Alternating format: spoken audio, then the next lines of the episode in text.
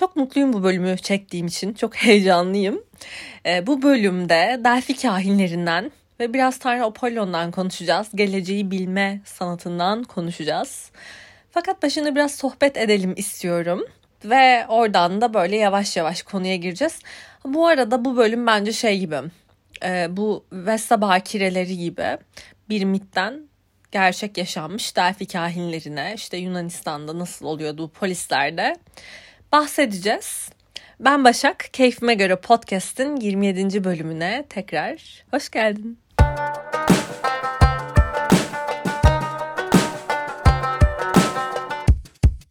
Öncelikle ufak bir haberim var size vermem gereken. Podcast'in Instagram hesabında böyle Reels kısımlarında ufak ufak mitolojik hikayeler paylaşmaya başladım. Bir kontrol etmenizi tavsiye ediyorum. Hatta bunlardan Cassandra Sendromu isimli bölüm tamamen bu Tanrı Apollon'la bu bölümde bahsedeceğimiz temalarla ilgili belki ilginize çekebilir. İkinci olarak söylemek istediğim şey de aslında belki bir dinleme tavsiyesi olarak alırsınız. Parantez içerisinde ilginiz varsa. Şimdi ben Vesta bakireleriyle bu bölümle beraber şeyi fark ettim. Yani biraz kadınlardan bahsetmek istiyorum antik zamanda ne yaptıklarının özellikle ataerkil toplumlarda ne yaptıklarının ama yine tabii ki bu bahsettiğimiz kadınlar çok küçük ve elit bir güruh olacak. Ama özellikle yani bir kadın olarak bu insanoğlu deneyiminde kadınların ne yaptığını, nasıl aşamalardan geçtiğini bilmek önemli. Bence bu erkekler için de önemli. Yani birbirimizi tanımak adına. Ee, o yüzden Şimdi bugün yine anlatacağım hikayede aslında bir mitten doğan bir enstitüyle ilgili bir gelecek bilicilik enstitüsü, Delphi kahinliği. İnsanlar anlatacağım birazdan işte farklı farklı yerlerden uzak yerlerden geliyorlar sırf bir kehanet alabilmek için. Ee, bunları hani bilip bu mercekte biraz dinlemek yani biraz toplumları anlamaya çalışmak da bence mitolojiler için geçerli. Çünkü nasıl bugün işte Kur'an'dan ya da İncil'den hani insan yapısını ay Fro ne yapıyorsun? Kedim odaya gelip kafayı yedi. Toplumu anlamak için bence çok güzel bir mercek. Hani nasıl başka dinlerden hani dinlerden anlayabiliyoruz ya insanın hayat sillerini. Hani bu da öyle. Evet işte belki hani semavi dinlerin tabii ki yoğunluğu çok daha ayrı, çok daha farklı. Ama o zaman için yani Zeus'un karısına davranış şekli işte Roma'da ya da atıyorum antik Yunan polislerinde bir adamın eşine davranış şeklinde belirleyebiliyor. Biraz bu mercekte de dinlersek hani o şekilde daha derinlikli anlamaya çalışırsak bence işin rengi, tadı da zenginleşiyor diye düşünüyorum. Böyle olmak zorunda mı? Hayır.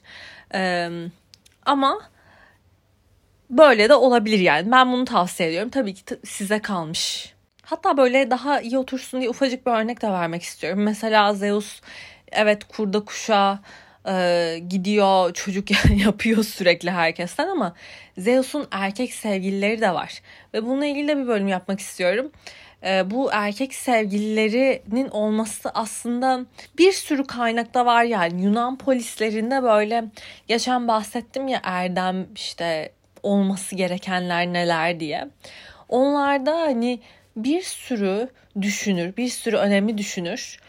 Erkeklerin aslında erkeklerle evlenip öyle çocuklarının olmasının bu ütopik ihtimalin yani ya da distopik nasıl derseniz en mükemmel toplum yapısını oluşturacağını söylüyor.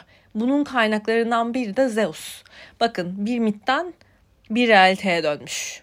Bundan bahsediyorum ama nasıl isterseniz yine yani. Şimdi gelelim bölümümüze. Fal baktırmak bence her zaman heyecanlı ama benim tavsiyem sizlere eskiden çok fal baktırıyordum. Bu doğru. Ama ama çok uzun yani yaklaşık bir 6-7 yıldır herhalde hiç baktırmıyorum. Bu Pygmalion etkilerinden işte geleceğin çok çok milyarlarca ihtimal olduğunu falan fark etmemden böyle tatlı bir lise anısı olarak bırakmak istedim geride. Bu bölüm bence çok esrarengiz. Şimdi her şey e, Zeus'un dünyanın bir batısından bir de doğusundan iki kartal göndermesiyle başlıyor. Bu iki kartal Yunanistan'ın Yunan ana karasının Delphi bölgesinde buluşuyorlar. Ve burada böyle bir dikit var. Bu taş üzerine buluşuyorlar ve Zeus da burayı dünyanın merkezi ilan ediyor. Bu taşla ilgili bilmemiz gereken iki şey daha var. Bu taşa bir piton sarılı ve bu taşın yakınlarında bir yerde Toprak Ana Gaia yaşıyor. Toprak Ana Gaia'nın orada yaşaması bu mitteki dünyanın merkezi söylemini destekleyen bir element. İşte toprağın anası da orada yaşıyor. Dünyanın tam merkezinde anlamında. Şimdi burada yaşayan Piton bir gün Tanrı Apollon tarafından öldürülüyor. Öldürülme sebebi de e, bu Piton'un işte geçmişte Apollon'un annesine yaptığı bir takım e, saldırılar oluyor. Buradaki Piton'u öldüren Apollon dünyanın merkezine geçip yerleşiyor ve artık e, Delphi bölgesi tamamen Apollon'un oluyor. Bu mitte Apollon'a çok derince girmeyeceğiz. Bu kısmıyla bilmemiz gereken tek şey Apollon'un bilici, gelecek gören bir kehanet tanrısı olduğu. Bu anlamda önümüze çok çıkacak. Bir de e, bizim kültürümüzde bence bilmemiz gereken ekstra bir bilgi Apollon Anadolu'lu bir tanrı. Bu Anadolu kültürüyle işte Yunan kültürünün birleştiği çok yer var ya. Apollon da ortak noktalardan biri. O yüzden e, Türkler tarafından da oldukça seviliyor.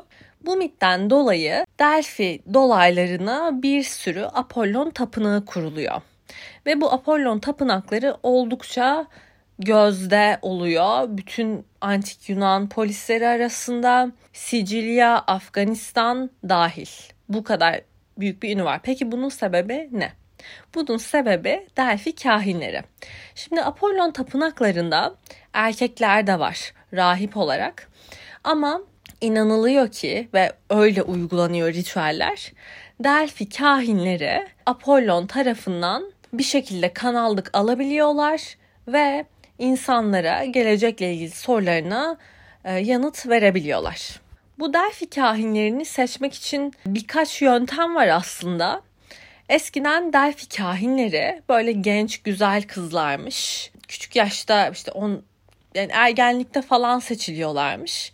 Fakat bir gün Sicilyalı Diodorus'un dediklerine göre Tesalili Ekikratis milattan önce 2 dolaylarında bir Delphi kahinine gidip tecavüz etmiş. Bu olaydan sonra Delphi kahinleri minimum 50 yaş kadınlardan seçilmeye başlanmış. Çünkü bu bir millete, bir polise, bir bölgeye çok büyük bir lanet getirebilir. Çünkü Tanrı'nın e, Apollo'nun elçisine tecavüz ediyorsun ve e, felaketlere merhaba diyorsun. Bunun dışında bildiğimiz kadarıyla son bir kriter var e, Delphi kahini olabilmek için. Delphili olman gerekiyor. Orada doğup orada büyümen gerekiyor. Yani Apollo'nun toprağından biri olmalısın. Aynı zamanda yani ailen Vesta bakirelerindeki gibi çok soylu, çok köklü olmak zorunda değil ama ailen temiz bir aile olursa büyük bir tercih sebebi oluyorsun. İşin ilginç bir tarafı mesela bu Delphi kahinlerine işte Oracle'da deniliyor. Aynı zamanda Pitya'da deniliyor. Bu Pitya kelimesi burada öldürülen Piton'dan geliyor. Yılanlar aslında çoğu mitolojide çok hani günümüzde daha böyle tehlikeli gibi falan geliyor ama aslında yılanın eski anlamı daha bilgi üzerine. Burada onu da görüyoruz. Bu delfilere o yüzden e, oracle'larda denir, pityalarda denir ve bu pitya tamamen piton kökünden geliyor. Şimdi şöyle bir hayal köşesi yapalım hep beraber. Anadolu'dan Delphi'ye gitmeye karar veriyoruz. Hepimiz erkeğiz, hepimiz hürüz, hepimiz e, reşitiz. Yani yetişkiniz ve girmek istediğimiz bir X işi var. Bir zeytinyağı işimiz olsun. E, ama emin değiliz ve Delphi'lerden, Apollon'dan bu konuda rehberlik istememiz gerekiyor. Kışın gidemedik, yazı bekledik. Yazında totalde böyle bir 9 gün Apollon kehanet veriyor burada. Ve bu 9 günde çok güzel denk getirdik. Nasıl bir yol izlememiz gerekiyor? Şimdi zaten Delphi'nin olduğu bölge biraz dağlık bir bölge. O yüzden ulaşım kolay değil. Zaten çok yorgunuz. Apollon tapınağına hemen gidemiyoruz. Apollon tapınağına gitmeden önce tapınağın yakınında bir pınar var. Kastalya Pınarı bunun adı ve Delfi'nin Apollon'un huzuruna gelmeden önce bizim hepimizin önce bir Kastalya Pınarı'nda yıkanıp bir arınma ritüeli yapmamız gerekiyor. Ki Apollon'un yanına temiz ve düzgün gidelim. Bunu yaptıktan sonra gidiyoruz Apollon tapınağına. Daha Delphi'ye soruyu soramıyoruz. Çünkü sırada evet hürüz özgürüz falan ama sıradan vatandaşlarız. O yüzden aslında bu işlem bedava yani. Aslında herkes soru sorabilir ama mutlaka bir adak vermeniz gerekiyor. Yani bağış yapmanız gerekiyor gibi düşünün. Bu da tabii ki maddiyata kim olduğunuza göre değişir ama şimdi hani sıradan kişileriz dedik ya. Buradan işte cüzi miktarlara kek alabiliyoruz. Ee, bunlar yakılmak üzere Apollon'a kansız bir kurban ayini olarak sunuluyorlar ki onun da gönlünü hoş edelim. Biliyorsunuz onların tanrılarıyla böyle dertleri var. Onların gönlünü hoş edelim bize olabildiğince güzel bir rehberlik sunsun diye. Yeterince kek aldıktan sonra da artık gidip Delfilere soruyu ilettirebiliyoruz bu e, erkek kahinler vasıtasıyla. Pardon erkek e, rahipler vasıtasıyla.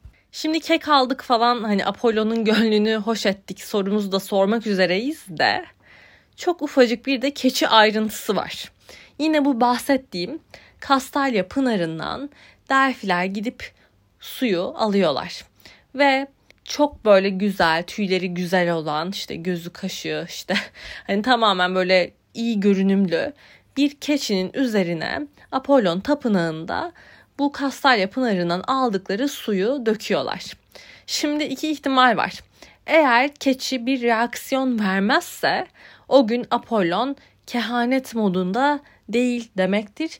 Günlerimiz kısıtlı dahi olsa yapabileceğimiz hiçbir şey yok. Kek vermiş dahi olsak. Fakat yeterince şanslı bir Anadolu grupsak e, üzerine Kastalya Pınarı dokun, e, döküldükten sonra keçimiz titreyecek ve tüyleri diken diken olacaktır. Bu da e, Apollon e, bugün modunda bugün kehanet verebilir anlamına geliyor.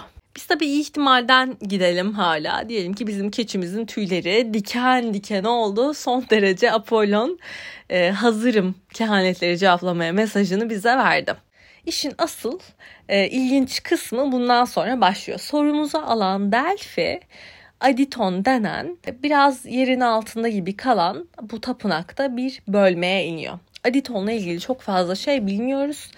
Tam spesifik olarak ne olduğunu ne bittiğini bilemiyoruz. Çok e, kutsal çok da iyi saklanmış bir alan. Fakat elimizde birkaç böyle e, kapak kavanoza falan yapılan e, resimlerden falan e, gördüğümüz kadarıyla biliyoruz ki hani bu bahsettik ya başta bir piton vardı böyle bir dikit üzerinde diye. Öyle bir uzunca üzerine oturabilecek e, şeyde e, konforda bir uzunca kaya parçasının üzerine oturuyor Delphi. Bir elinde defne yaprağı, bir elinde de bir kapta su. Ve burada Aditon da trans haline giriyor.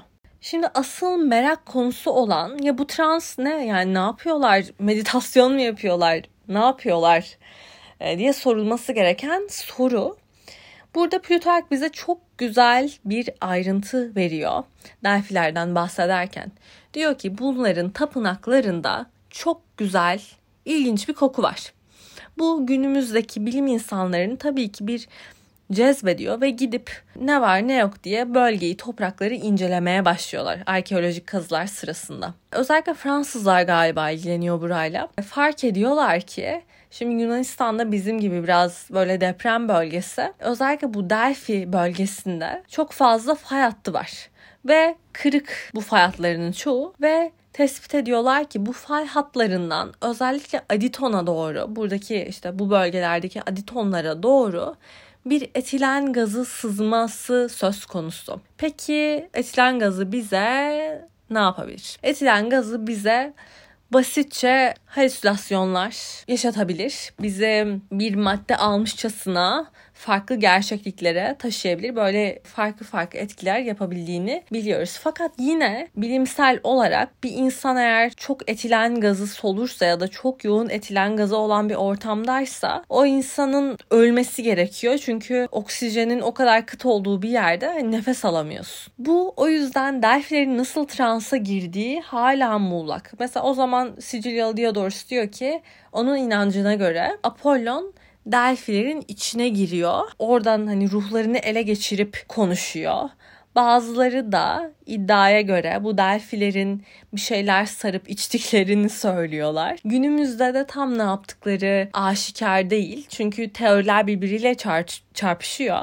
Ama hiçbiri tam oturmuyor. Yine bildiğimiz bu yazılanlardan etilen gazına ben daha çok inandım gibi aslında. Çünkü yazılanlarda diyorlar ki Delphi olmak ömür kısaltıyor. Belki bu bir etilen gazının etkisi olabilir ve e, böyle aditondan çıktıktan sonra kahinlerin kadınların titrediklerini, garipleştiklerini, dans ettiklerini bazen ağlamaklı olduklarını, inlediklerini falan söylüyorlar.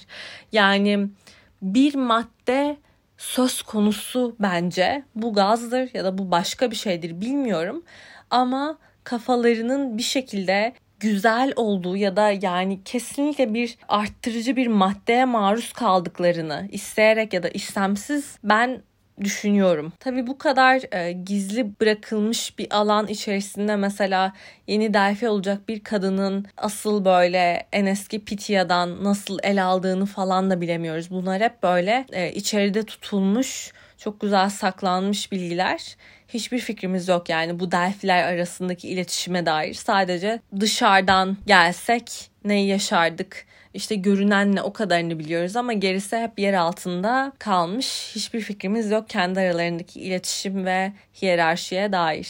Şimdi o zamanlarda biz işte Anadolu'dan bir örnek verdik ama insanlar Sicilya'dan, Afganistan'dan Delphi'ye geliyorlar ki işte yılım çok bu spesifik 3-5 gününde kendi hayatlarıyla işte aşk hayatlarıyla iş ne bileyim karımla ne olacak ülkem ne olacak diye soruyorlar. Şimdi biz demin klasik insanlar işte olarak gittik oraya ama eğer bir kralsan sana yapılan muamele farklı mesela. Dışarıdan onu da biliyoruz. Kehanet sezonunda 3 farklı kategori var kehanet için gelenlerden. Öncelik Delfililere veriliyor.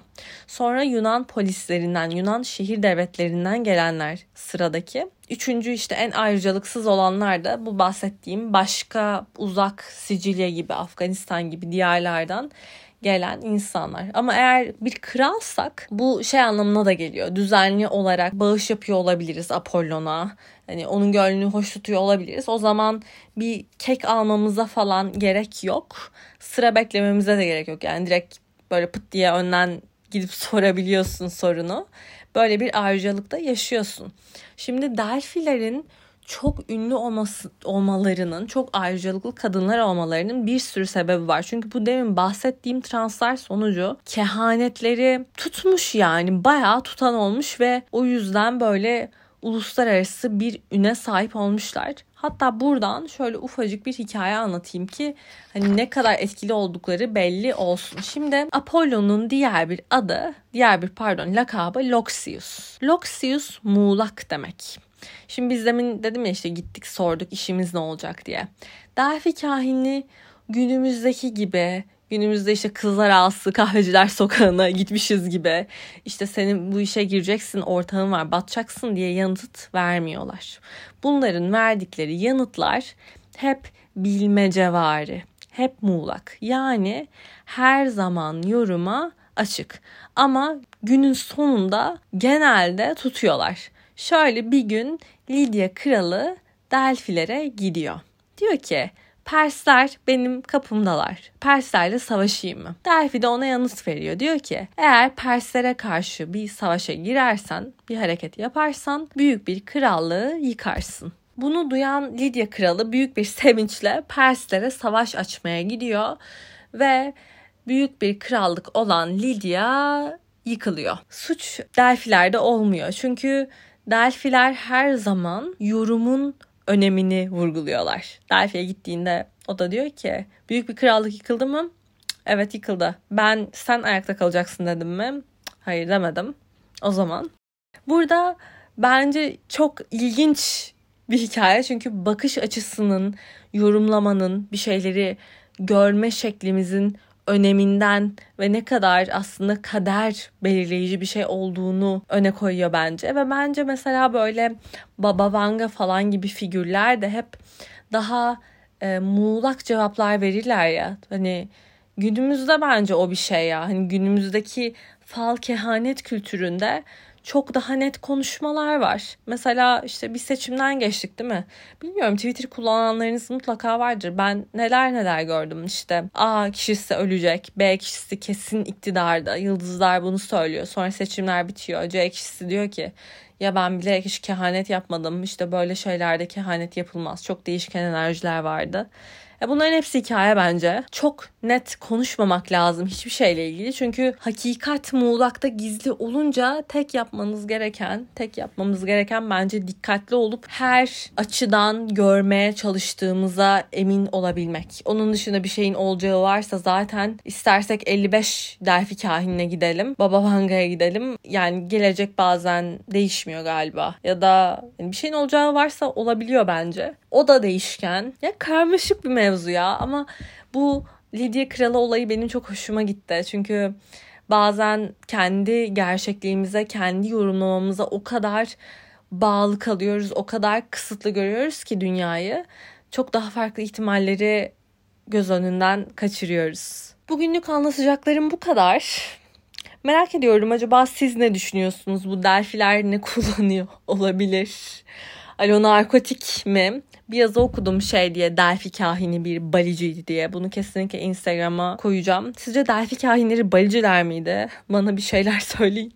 ya da kendi araştırmanız falan varsa onu da mutlaka dinlemek isterim. Ee, öpüyorum hepinize.